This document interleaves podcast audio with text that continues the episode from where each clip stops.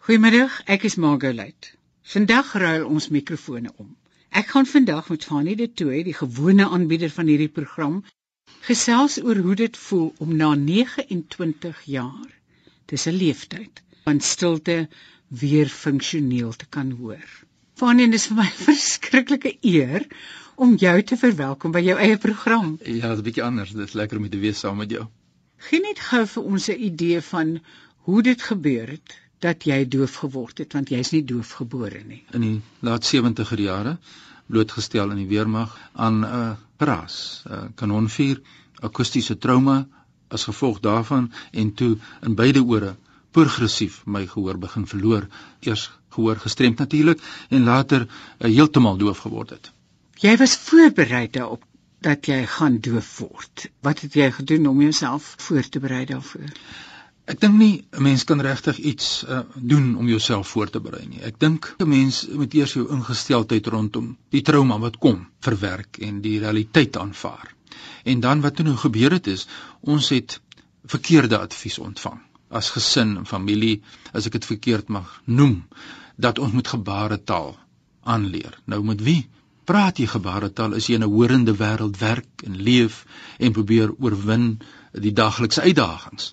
So die advies moes eintlik gewees het dat ons moet 'n uh, kommunikasiewenke aanleer binne 'n huisverband om te kan kyk as mens met iemand anders praat.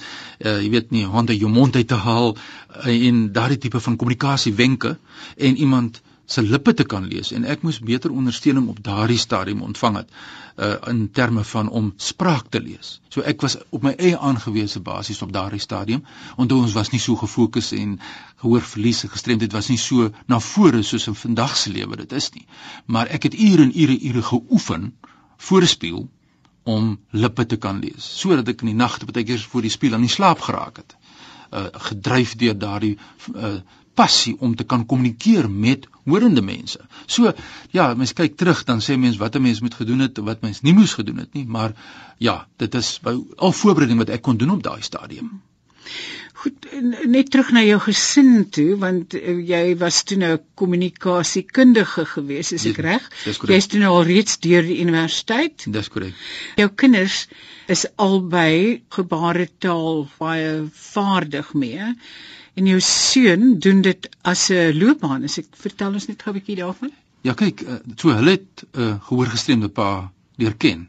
My dogter kommunikeer met my deur middel van op daardie stadium deur lip lees wat ek al lippe lees. My seun het 'n taalaanvoeling en hy toe kennis gemaak met kultuurdowe mense wat gebaretaal gebruik as moedertaal wat ek uit die aard van die saak daardie stadium nie gebruik het nie. So ek het basies nie gebaretaal gedoen nie, maar so dat ook positief uit die trauma gekom en dit is hy's vandag 'n gebaretaal tolk.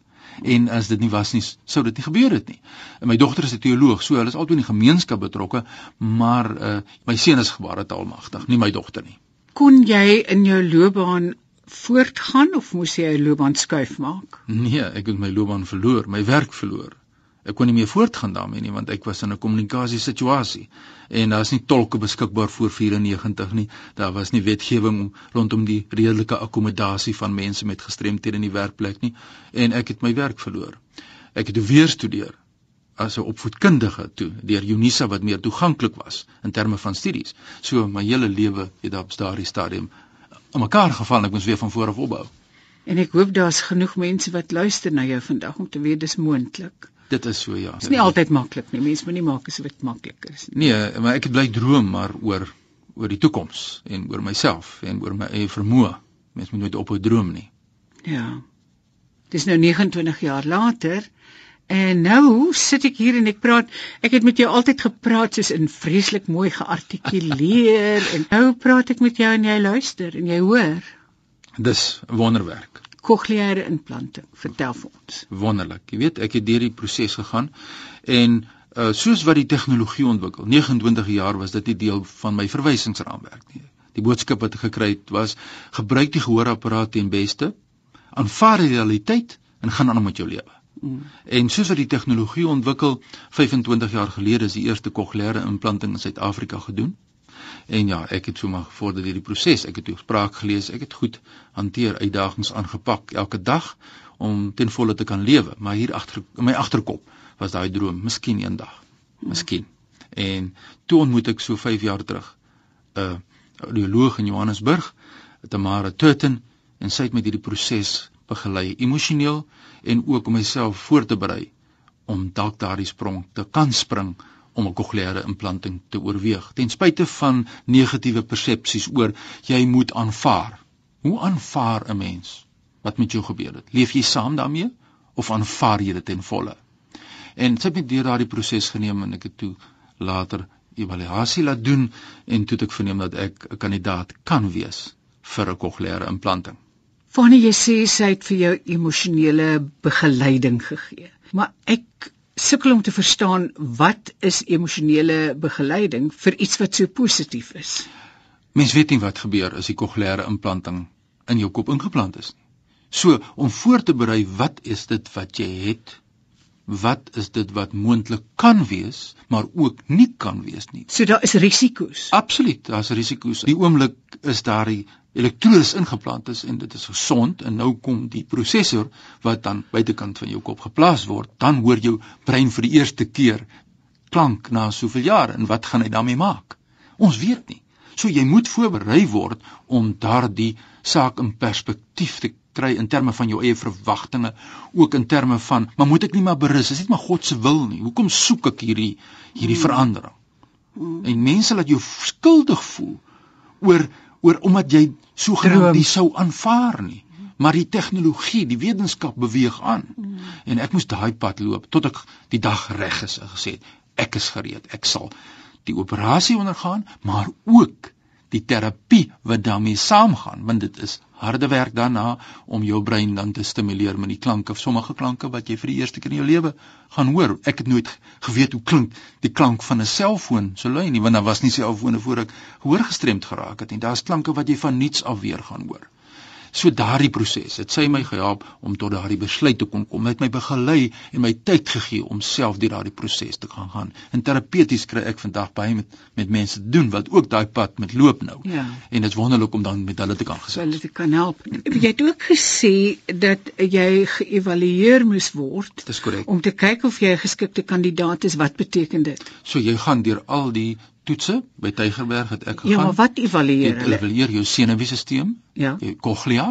Ja. Hulle toets en kyk of daar die die die pad na jou brein wat die klank van die gehoorsentrum af terug na die cochlea toe of dit in so 'n mate is dat wat die cochlea implanting doen dat daar die kans baie goed sal wees dat dit kan funksioneer. So dit's baie diep in die tonnel wat jy lê, jy weet al daai neurologiese toetse. So dis 'n deeglike proses om jouself voor te berei. En daar is mense wat nie geskik is nie. Verseker, daar's mense wat implantings ontvang wat nie so wonderlike sukses soos wat ek het nie. Hmm. Ek praat oor die telefoon, ek luister musiek, Neil Diamond klink nog steeds vir my soos wat hy 29 jaar gelede geklink het. Daar's ander mense wat minder sukses het. So ons kan nie sien wat in hierdie klein senuweestelsels en in jou brein aangaan nie, maar die suksesse is daar. Kan ek net vir jou vra om vir ons taamlik grafies te sê wat gebeur het. Baie eenvoudige beginsel in die sin, dit is 'n prosesseerder buitekant my oor wat die klank opneem. Hy vat jou stem en hy sit dit om in kodes, nie elektriese klanke nie, in kodes en hy stuur dit met 'n draadjie wat na 'n sender toe gaan wat buitekant van jou kop is en dit word met magneet gekonnekteer met 'n soortgelyker ontvanger onder jou kopvel teen jou net reg onder jou kopvel.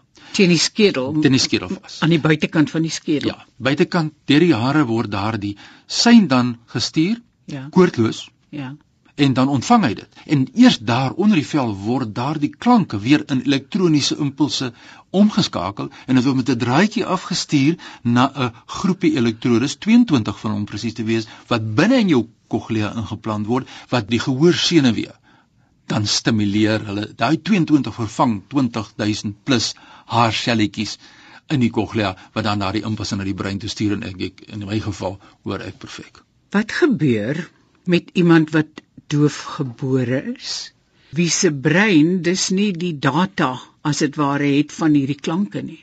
Dit is baie moeiliker by die punt die cochleaire implanting is basies dieselfde, maar die oomblik dat die cochleaire implanting klaar gedoen is, dan begin terapie en dan het ons tot gevolg dat die terapie langer is want uit die aard van die saak is ek 'n hoorende persoon gewees, lank blootgestelling aan klanke en toe lank nie, maar dit kan nog in my brein wees. By ander persoon wat is die terapie meer intens. En die terapie, ons praat van spraak, spraak, klank, uh, spraakterapeute. Jep, en klanke klanke ja. wat getoets word en deur wat jy moet oefen en iemand lees terwyl jy moet hoor en iemand maak lawaai in die agtergrond terwyl jy moet hoor om jou brein daarin oefen dit te identifiseer. Absoluut, absoluut. Sal die spraakterapeut dan woorde begin leer absoluut. aan hierdie persoon? Engels en Afrikaans en verskillende Osa. klanke wat hmm. wat na mekaar verband is om jou brein te leer om te diskrimineer. Ek as ek nou weer die leer gaan dan sit ek oorfone op met my iPod aan en ek luister na musiek en ek luister na spraak wat opgevang is. Ek is besig om steeds deurlopend na 6 maande nog terapeuties te ontwikkel. Ja. Myself het 'n baie groot verantwoordelikheid. Ja. Ek is besig om te dink aan kostes ook. Ja. Wat doen mediese fondse? Ongelukkig is dit so dat baie mediese fondse dekking gee, baie mediese fondse dek nie eers 'n basiese gehoor toestel nie. So ons het 'n lang pad in Suid-Afrika om die reg van mens tot toegang tot inligting aanvaar te kry. Ons is oor gefokus op die mobiele aspekte, die fisiese wat jy kan sien. So daar's baie werk wat gedoen moet word. Ek wens ons kan eh, 'n uh, hele reeksie oor doen. Daar's so baie. Want as ons nou praat oor diskriminasie, dan weet ek wat nou die gestremde wêreld van 'n sekere hoek af redelik goed ken, dan weet ek dat daar erger gediskrimineer word eintlik teen gehoorgestremdes. Ja, dit is so. As teen mobiliteitsgestremdes en selfs blindes miskien. Ja, en dan is ons nou nog nie eers by verstandelike gestremdheid en die emosionele ja. aspekte. Dit is absoluut so. Dit is absoluut ja. so. Want onthou, gestremdheid diskrimineer iemand is gestremd as die omgewing of die mens se gesindheid. Die Engels praat ons van the environmental barriers en uh attitudinal barriers. Ja. Die attitude. Dit is wat ja. baie keer baie gestremdheid tot gevolg het. Dankie Fani, dankie vir jou. En vir die luisteraars, as daar enige vrae is of as u enige voorstelle het, e-pos vir Fani. Sy adres, sy e-posadres is fani.dt soos in detoy by mweb.co.za. Onthou hierdie program word ook woensdagoggend om 3:15 herhaal en jy kan natuurlik ook luister op potgooi op ons webwerf. Nou ja, tot volgende week vir Fani. Groetnis hier uit Kaapstad en ek is ongelukkig nie weer volgende week hier nie. Totsiens. Dit was 'n eer om met jou te gesels. Dankie vir jou.